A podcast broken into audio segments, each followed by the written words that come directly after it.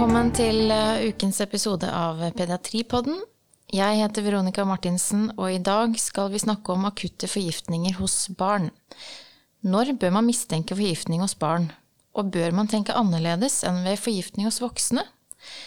Med oss i studio har vi fått besøk av en ekspert på dette feltet, nemlig overlege og avdelingsleder ved Avdeling for akuttmedisin på Ullevål sykehus, Dag Jacobsen. Velkommen til deg. Takk. Du kan jo begynne å fortelle lytterne litt om din bakgrunn, og hvorfor du har jobbet med forgiftninger hos barn. Eller forgiftninger generelt, da. Ja, forgiftninger generelt, ja. ja. Uh, jo, det er um, det, det, begynte jo allerede i studietiden her i Oslo på 1970-tallet. Det er nesten tilbake i Cambrosilur, ikke sant. Eh, og, og, da eh, jobbet jeg bort på, på, medisinsk intensiv, hvor jeg nå er avdelingsleder.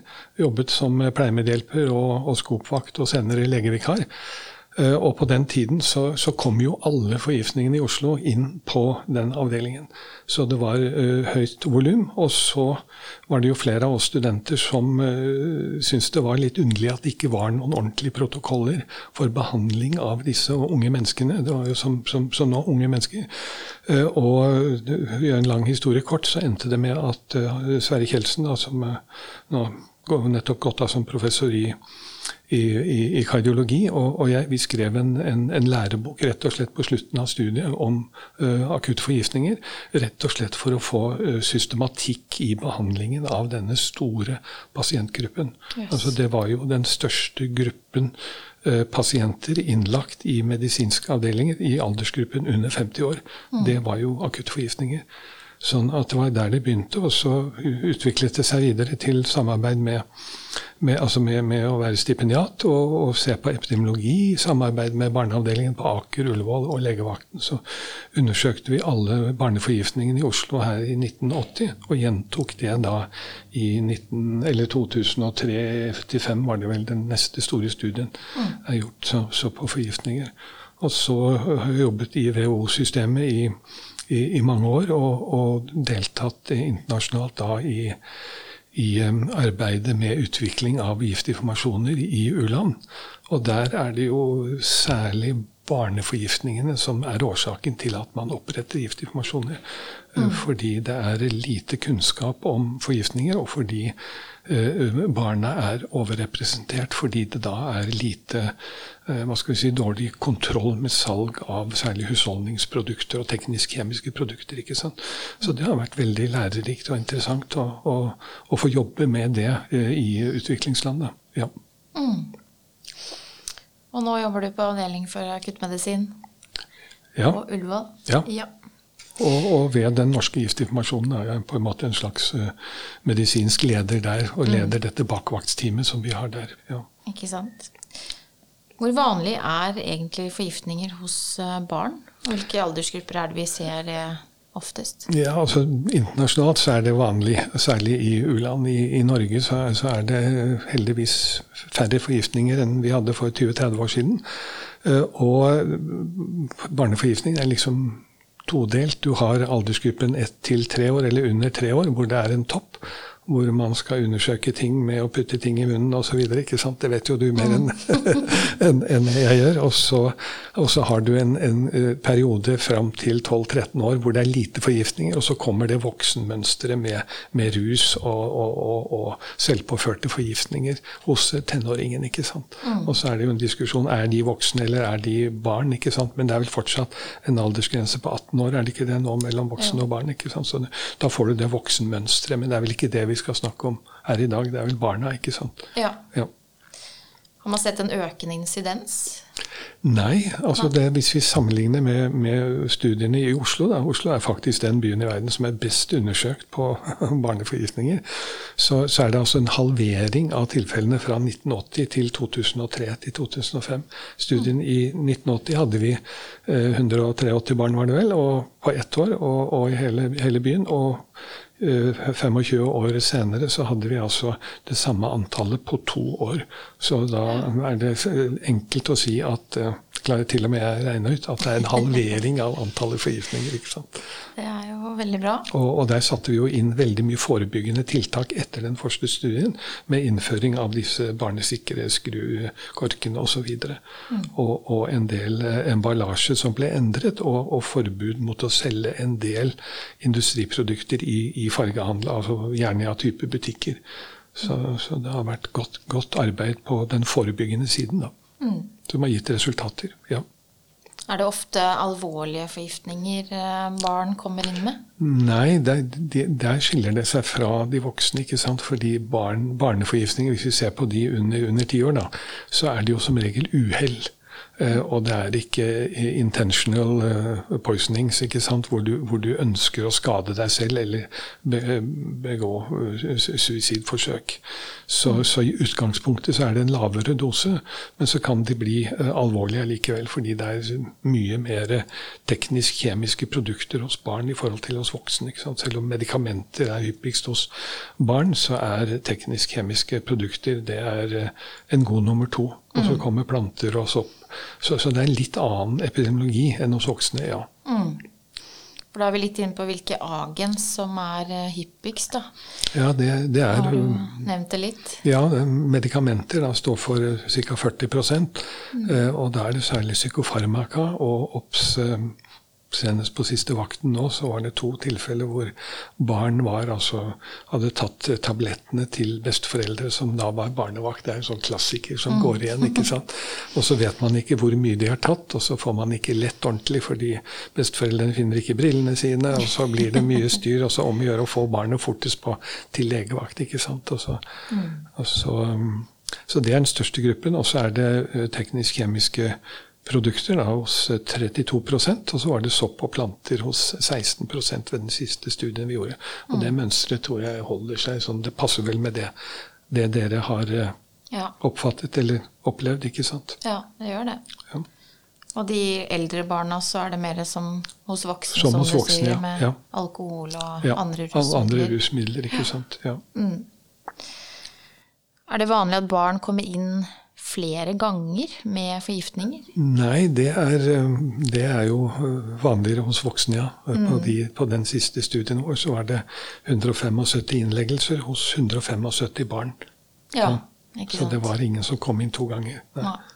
Så man har jo spurt hva med Er det ikke mørketall med tanke på barnemishandling? Og, og, og, skal vi ikke se om noen kommer igjen flere ganger? Men, men det er jo ikke vår erfaring. Men ja, vi har, har jo bare sett på, på, på, på, disse studiene over disse tre årene.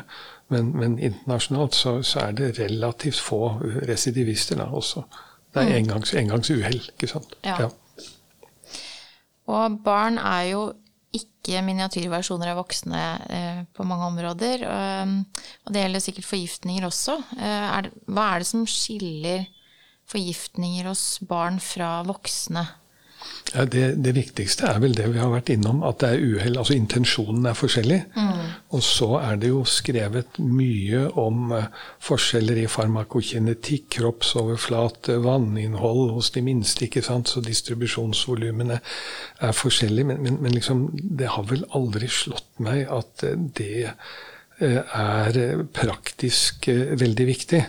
Altså det, det som, sånn som jeg opplever det, da, som, nå, nå, som, som bakvakt på Giftinformasjonen, så er det jo at, at det å behandle barn på, i intensivmedisin, som vi er vant til hos voksne, da, mm. det, det, det, må da være fryktelig utfordrende og komplisert. Med, med, med litt ødem og slim i luftveiene, ikke sant? så blir det problemer som vi ikke ser i voksenmedisinen. Mm. Så, så det er vel sånn sett Eh, slik jeg ser det, og, eller vi ser det da, fra voksensiden, vi som jobber på Giftinformasjonen, og at um, det, det, det, blir viktigere enn hos voksne dette såkalte ellevte budet eh, vårt, primum non nocere, at man ikke skal gjøre så mye med barn uh, med mindre man må. Har du gjort ABCDE, så, så skal du lene deg litt tilbake og se hvordan ting utvikler seg. Mm. Fordi det, du kan fort gjøre noe galt. og, og internasjonal pediatri har jo en, en, litt svart fortid med Det så vi når vi ryddet opp i, i den bruken av motgifter på, på 1990-tallet, selv i Europa, særlig Øst-Europa, eh, hvor man ukritisk brukte eh, koksalt som brekkmiddel. ikke sant? Ja. Og hvor det var flere revyartikler om 20-30 dødsfall altså hos barn som får koksalt, og så får de en, en altså akutt natriumforgiftning. Og så skal man behandle natriumforstyrrelse, og så ser man på endokrinologisk litteratur. Mm. Og da skal man behandle natriumforstyrrelse veldig langsomt og korrigere de langsomt. Men det er jo ikke riktig ved sånne mm. akutte natriumeksponeringer, for de skal behandles hurtig i den uh, hastighet de utvikles. Sånn at man påførte for det første barnet en forgiftning, og så kunne man ikke behandle det ordentlig. Ja. Så, så, så, det var jo ganske ille. Ja. Men, mm. men, det er jo helt totalforbud mot det nå, å bruke det på den måten. Ja, ja det er bra. Ja. og av og til, eller kanskje ganske ofte, som du nevnte, så vet man ikke hva barnet har uh, fått Nei. i seg av toksiskagens. Uh, når skal man da mistenke en akutt forgiftning hos barn? Jeg skal ikke si noe hvis besteforeldre er barnevakt, det er ikke det, det, er ikke det jeg mener. Men, eh, men, det er jo altså Hvis man ikke har Ofte så har man jo sett at barnet har en tablett i munnen eller to, eller foreldre ser at de sutter på et eller annet. ikke sant? Så det er vel det vanligste. Men, men hvis man ikke har noen eh, annen uh, anamnese, da, så, så, så, er det jo barn som er påvirket, hvis det er tachykarde, uh, kaldsvettende f.eks. Uh, og, og som vi sier i voksenmedisin, noe er, altså hvis noe er rart, så skal du tenke på forgiftning. Altså hva søren er dette her? Det ligner ikke på noe av det vi pleier å få inn. Så, så tenk, tenk, forgiftning. Mm. Så um, Ikke sant. Ja. Mm. Og så er det jo veldig ofte vanskelig å estimere eh, nøyaktig mengde ja. eh, toksisk agens. Ja. Eh, hvordan skal man da klare å vurdere risikoen eller alvorlighetsgraden?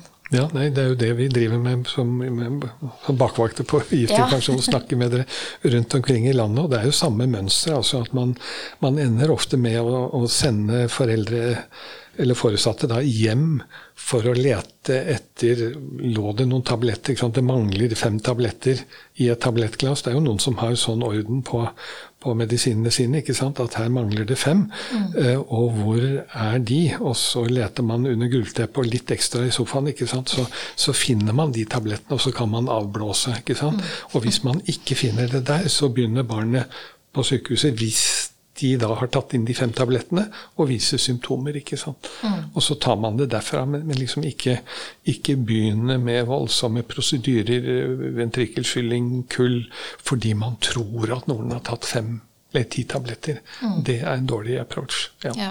ja. Og um, barn spiser jo da gjerne mindre mengder, da. Uh, ja. Hvilke tabletter tabletter eller medikamenter er det som da er spesielt farlig for barn å få i seg i små mengder? Ja, Det, det er jo sånn som klorokin, f.eks. Antimalariamedisiner. og og um, f.eks. jerntabletter som, som, av og til kan smake godt. Og så er det jo da denne klassikeren, det er jo da frostvæske som mange ja. har i garasjen. Og, og, og, og, det smaker faktisk godt. Altså det lukter godt. Det er en sånn aromatisk smak. Jo, men sånn at den, særlig den som er utblandet, den, den får eh, det, er en relativt sett hyppig forgiftning hos barn. Og da blir det jo å observere de og ta uh, en sånn venøs uh, astrup, og så følge med Base Access rett og slett og se om de utvikler acidose. Uh, og gjøre det så enkelt. Og utvikler de en metabolsk acidose, så B6S over 7-8, så må man begynne å behandle det med, med fomepisol, altså motgiften mm. mot, mot uh, toksiske alkoholer. Ja. Mm. Og så Man har jo hørt om sånne forgiftningssyndromer, eller toksidromer. Ja. Er det nyttig å kunne litt om? Ja, altså det, det, det, er vel mer sånn i litteraturen. Folk som liker å skrive og, og systematisere ting. Så, så, så eh, fra klinisk farmakologisk hold så, så, er liksom det en stor greie. Men eh, for oss som jobber klinisk, så er vel så, så syns vi at um, vi har ikke så stor nytte av det, bortsett fra ved dette antikjolinergesyndromet. Sentralt antikjolinergsyndrom, som uh, barn da uh, fremviser uh, relativt ofte ved forgiftninger. Da. er det snakk om førstegenerasjons antihistaminer og, og noen sopp og planter. Mm. Og da er det eh, dilaterte pupiller, tachykardi og varm, tørr hud eh, som er liksom inngangsverdien da, til det syndromet. Og da er det spørsmål om behandling med, med fysiostigmin mm. uh, som en motgift. da. Og særlig, om, og særlig liksom perioden juli til Eh, til september, eh, oktober, så, så, så, er det liksom noe vi tenker på borte hos oss. Eh, også hos voksne. sånn at da, da, pleier jeg å ha en sånn første forelesning på etter sommeren går på, på obs, obs, nå er det plantesopptid. ikke ja, sant? Rare syndromer. Tenk på, tenk på, det. ikke sant? Ja, ja. Mm. Sopptursesongen. Ja, sopptursesongen, ja. ja.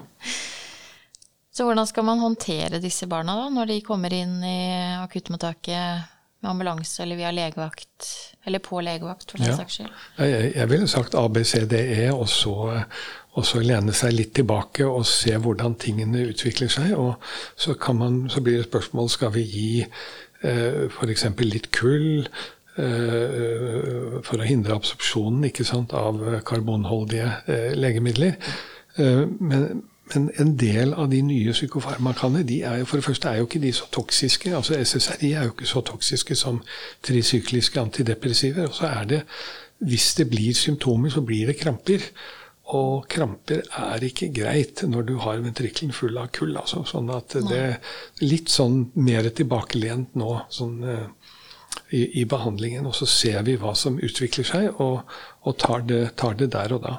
Men mm. selvsagt, som jeg nevnte med syrebasestatus, vi må følge med eh, på syrebasestatus hvis det er eh, mistanke om, eh, om toksiske alkoholer eller andre, andre teknisk-kjemiske produkter. Ja. Mm. På syrebase tar man jo, som du nevnte, da. Er det mm, andre supplerende undersøkelser som er nyttig å ta når det, man mistenker en akutt forgiftning? Ja, jeg vil si at alt, alt, er jo viktig når, når det er indisert. Så, sånn at jeg bare tenker at man bør liksom ikke ha noe sånn TOX-pakke. Det, det, er mer sånn man må gå etter klinikken ikke sant? og, og sykehistorien, og så ta, ta prøver litt, litt, målrettet, ikke sant.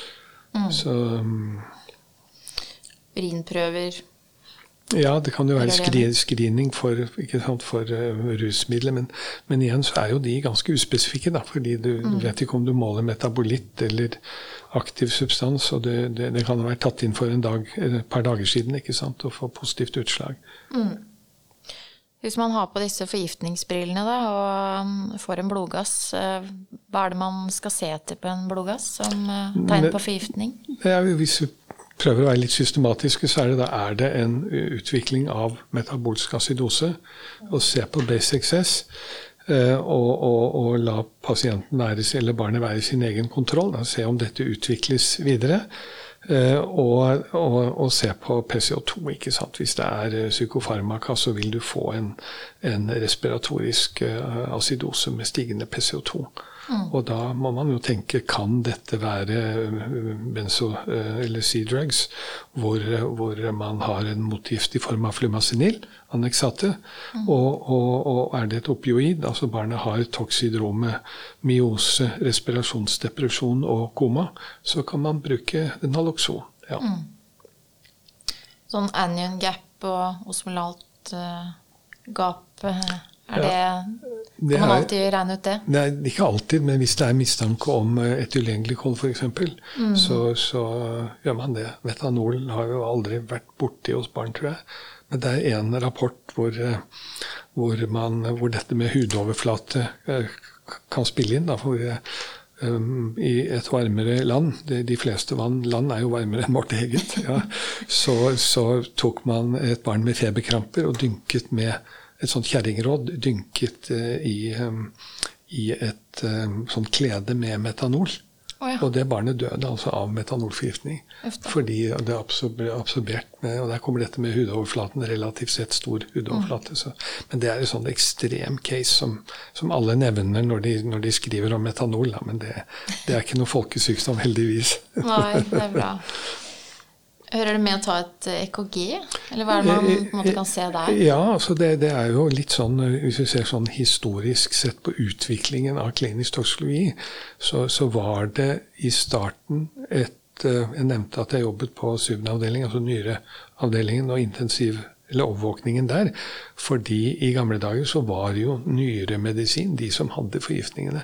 Fordi da hadde man ikke hørt om distribusjonsvolumet i farmakologi. Det kom jo i 1981, det er rett etter at jeg var ferdig eh, doktor.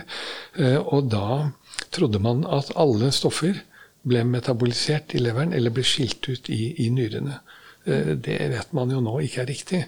Fordi du har noe som heter distribusjonsvolum, som, som spiller en, en større rolle enn en, en, en, renal clearance, for å si det sånn. Sånn at fra å dialysere mange pasienter, så sluttet man med det på utover i 80-tallet. Og så ble det nye medikamenter som fremfor alt påvirket eh, eller hadde hjertetoksisitet. Sånn at man kan si at det gradvis er flyttet mer over mot intensivmedisin. da og overvåke hjerterytme. og Da er det jo klart EKG hører med. QRS-bredde sier jo veldig mye om hvor alvorlig en trisyklisk antidepressiva forgiftning er. Og så er det kuttetiden på disse nye SSRI-ene. ikke sant? Så, så Stikkordet er eh, QRS-bredde og kuttetid. Og hos barn så legger vi til da blokkeringer hos friske, fordi de, de få med EKG-funn, dette har vi jo publisert også, det er jo barn som spiser planter, med, altså digitalisholdige planter med, som revebjelle og liljekonvall, og får faktisk ganske avansert AV-blokk. Men det er jo forbigående. Ja. Heldigvis. Ja. Heldigvis. Så ja, noe, mange blir jo bare observert, som du har nevnt, og noen trenger faktisk eh, å behandles. Eh, Jeg tenkte vi kunne gå litt gjennom de viktigste behandlingsprinsippene. ja. Ehm, Hva er det vi har å velge mellom der? Nei, altså støtte, støttebehandling, det, det er jo det, det viktigste. Det, det er å behandle komplikasjonene etter hvert som de eventuelt oppstår, ikke sant. Eh, Og, og så er det noe vi kan gjøre på, på, på absorpsjonssiden. Ja, enkelte ganger, og, og ventrikkelskylle og i, i, i kull, ikke sant. Men, men være litt forsiktig med, med kull når, når det er spørsmål om kramper. Eh, Og da er stikkordet SSRI særlig. Eh, eh, og eh, antidoter, ja, det har vi jo antidoter. Hos voksne bruker vi det hos eh, 30-40% av pasientene. Hos barn noe mindre, fordi det er en større andel av teknisk-kjemiske produkter. Men det er liksom de tre, de tre store eh, antidotene. Ikke sant? Naloxon, flumacinil, og så er det acetylcystin da, ved paracetamol. Men, men igjen, barn spiser jo ikke eh, 20 tabletter Paracet, som er liksom grensen for, for behandling. Det, de, de tar én eller to, og da er jo ikke paracetamol farlig.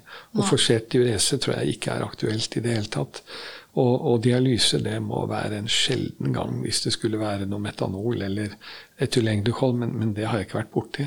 ECMO har jeg vært borti én gang, på en som uh, hadde drukket eh, tennvæske som lå ganske mange døgn på en ECMO. Og uh, det gikk jo det bra, da.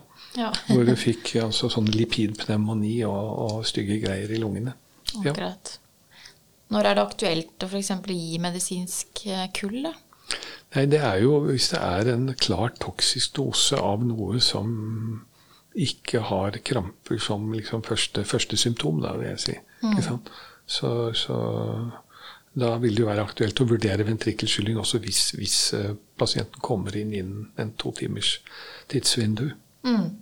Så Og sånne brekkmidler uh... Nei, det brukte man før, men det, det, det er um, nærmest kontraindisert. Det, det, er, det, det bruker vi ikke. Nei. Man kan til nød prøve sånn å stikke fingeren i halsen hvis det er noe sånn noe, noe, noe, noe helt spesielle greier. Men, eh, men brekkmiddel bruker vi vanligvis ikke. Nei. Nei. For effekten henger så lenge i, og så blir det aspirasjon i forbindelse med det, særlig hvis man får CNS-depresjon. ikke sant? Så, ja. Og ofte står man jo der og har mange spørsmål, og da kan det være lurt å ringe en eh, god venn. Ja. Hvem er det man skal eh, kontakte da, og hvor kan man finne informasjon? Ja, Hvis det er informasjon, så er jo helse, Helsebiblioteket synes jeg jo er blitt veldig godt. Det er, det er jo den, altså Slash forgiftninger er jo den delen av Helsebiblioteket som oppdateres hyppigst. Og vi har jo som mm. mål at intet dokument skal være eldre enn to år. Og der er det nærmest en geriatrisk gjennomsnittsalder på noen av dokumentene som ligger ute der, dessverre. Og det, da faller jo vitsen med, med, online info ut. Hvis du ikke oppdaterer det, da kan du liksom gå ta en bok som oppdateres hvert femte, femte år. ikke sant? Eh, og så er det viktig at eh, det som ligger da på felleskatalogen og Helsebiblioteket, det er samkjørt. Altså Det er samme informasjon stort sett. Hvor, mm. hvor uh, vi på Giftinformasjonen da uh, uh, hvor, hvor, jeg har en sånn bistilling hvor, hvor, hvor, vi skriver en ekstra tillegg der hvor det står overdosering forgiftning, så kommer det en anbefaling fra Giftinformasjonen. Mm. Og så er det samme antidotliste i Norsk legemiddelhåndbok, på Helsebiblioteket og i Felleskatalogen. Ja. Og, og, hvis man da kommer um, Eller i tillegg vil snakke med eller ringe til Giftinformasjon for å få opplysninger f.eks. av utenlandske medikamenter f.eks., eksempel så, så, så, har jo de informasjon der. Og, og, så er det en klinisk bakvakt. Vi er fem erfarne intensivleger som går 24-7, og som man da kan få snakke med hvis det er uh, noe man vil diskutere. Mm. Så, og da kan man ringe dere døgnet rundt? Ja da, det går fint. Det er veldig bra. Og så kan du nevne bare én ting eh, til. Jeg kom på det nå. Eh, dette med hva som er spesielt, spesielt forgiftninger hos barn. Jo, det er jo mm. selvsagt også doseringsfeil på, både på vanlig avdeling og på intensivavdeling særlig. Mm. Desimalfeil. ikke sant? Man uh, gir 10-100 ganger Eh, dosen, selv om det skal liksom kontrolleres av to stykker, så er jo det som skjer. Så jeg vil jo si at det er mer min erfaring er at det er 50-50 reelle forgiftninger mm. hos barn når vi blir oppringt, og så er det altså som bakvakter, og så er det 50-50. Den andre halvparten er doseringsfeil, faktisk. Altså. Så det er mm. forbedringspotensialet der. Ja. Men sånn er det når man doserer per kilo, ikke sant. Så er det da må man så, ha hodet med. Ja, man må ha hodet med hele natten. så der er det jo Ja, i forhold til forebygging eh, Du sa at det i hvert fall har skjedd en del på den fronten. Ja, er det fortsatt noe man kan gjøre for å forebygge forgiftninger hos barn? Uh, ja, altså det er, det er, jo informasjonskampanjer, ikke sant. Og uh, Giftinformasjon har jo en egen sånn hjemmeside for for eh, legfolk, og der er det jo gode råd. Mm. Eh, så det går jo på det å oppbevare legemidler ikke sant, hjemme i egne skap, låsbare skap gjerne, men det er klart det er ikke, det er ikke så mange som har det. Eh, og så bruke hodet hvor man setter plumboen og sånne ting. Nå er det jo barnesikker kork på, på alle de på, på, de fleste av disse med, med midlene. Men mm. Og så ikke helle det over på brusflasker, ikke sant. Fordi det Nei, men det er, det er fortsatt et problem. Ja, så ja. står de i garasjen, ikke sant. Og, mm. og, til og med voksne har jo fått i seg eh, etsende agens mm. via eh, brusflasker. Som står i en dårlig opplyst garasje. Ja, ja ikke sant. Hmm. Opplevde det faktisk i sommer. Hadde en, en veldig digresjon. En polsk arbeider som der hadde de fylt på eh, det var noe eh, alkalisk stoff eh, ja. på en Farrisflaske. Og så var ja. det jo veldig varmt, så han tok jo den flaska og ja. helte nedpå. Helte nedpå, ufta, ufta. Ja. Men det var jo ikke vann, da. Nei, det var ikke vann, nei. Hei, tusen takk, Dag, for at du ville dele dine erfaringer og kunnskap om forgiftninger hos barn med oss og lytterne. Eh, klarer du til slutt å oppsummere med tre take home messages som man bør sitte igjen med? Ja, da, da, har jeg valgt mine tre kulepunkter, som det heter. og Det første er jo da sånn eh, epidemiologisk, altså forgiftninger hos barn. Det er da den gruppen fra eh, inntil tre år som er putte i munnen-type forgiftninger og utforske verden. Og hvor det ofte, oftest er små doser, og det er usikkert hvor mye som er tatt inn. ikke sant? Så der blir det å observere og se hva som skjer med barnet. Eh, og, og, og ofte er det barnevakter da som har med seg medisiner, ikke sant? eller barnet er hos besteforeldre eller andre som bruker medisiner. Og så har du den andre aldersgruppen. Spennende. Der, der, er det da de 13-14-åringene som får gradvis samme forgiftningsmønstre som voksne med, med, med rusmidler. Eh, og når det gjelder behandling, så, så er det da eh, Altså de færreste eh, barneforgiftninger er alvorlige. 2-4% er alvorlige, og så er 10-15% moderat alvorlige. Og, og, der blir det vanlig ABCDE-tilnærming. Og så være litt, hvis den er grei, så lene seg litt tilbake og observere. Og, og, og tenke seg om før man gjør veldig aggressive Eh, terapeutiske prosedyrer fordi, og diagnostiske fordi det går bra i de aller fleste tilfellene. som må ha med seg eh, statistikken. Eh, og det tredje punktet da er å ringe Giftinformasjonen eller se på Helsebiblioteket hvis man er unfamiliar med det agenset som er inntatt. Og hvis det da er klinisk støtte man vil ha, så, så er det jo en klinisk bakvakt 24-7 ved Giftinformasjon som man kan be om å snakke på snakke med. Supert. Tusen takk til deg, Dag Jacobsen. Veldig hyggelig å ha deg i studio. Og tusen takk til alle våre trofaste lyttere og nye lyttere.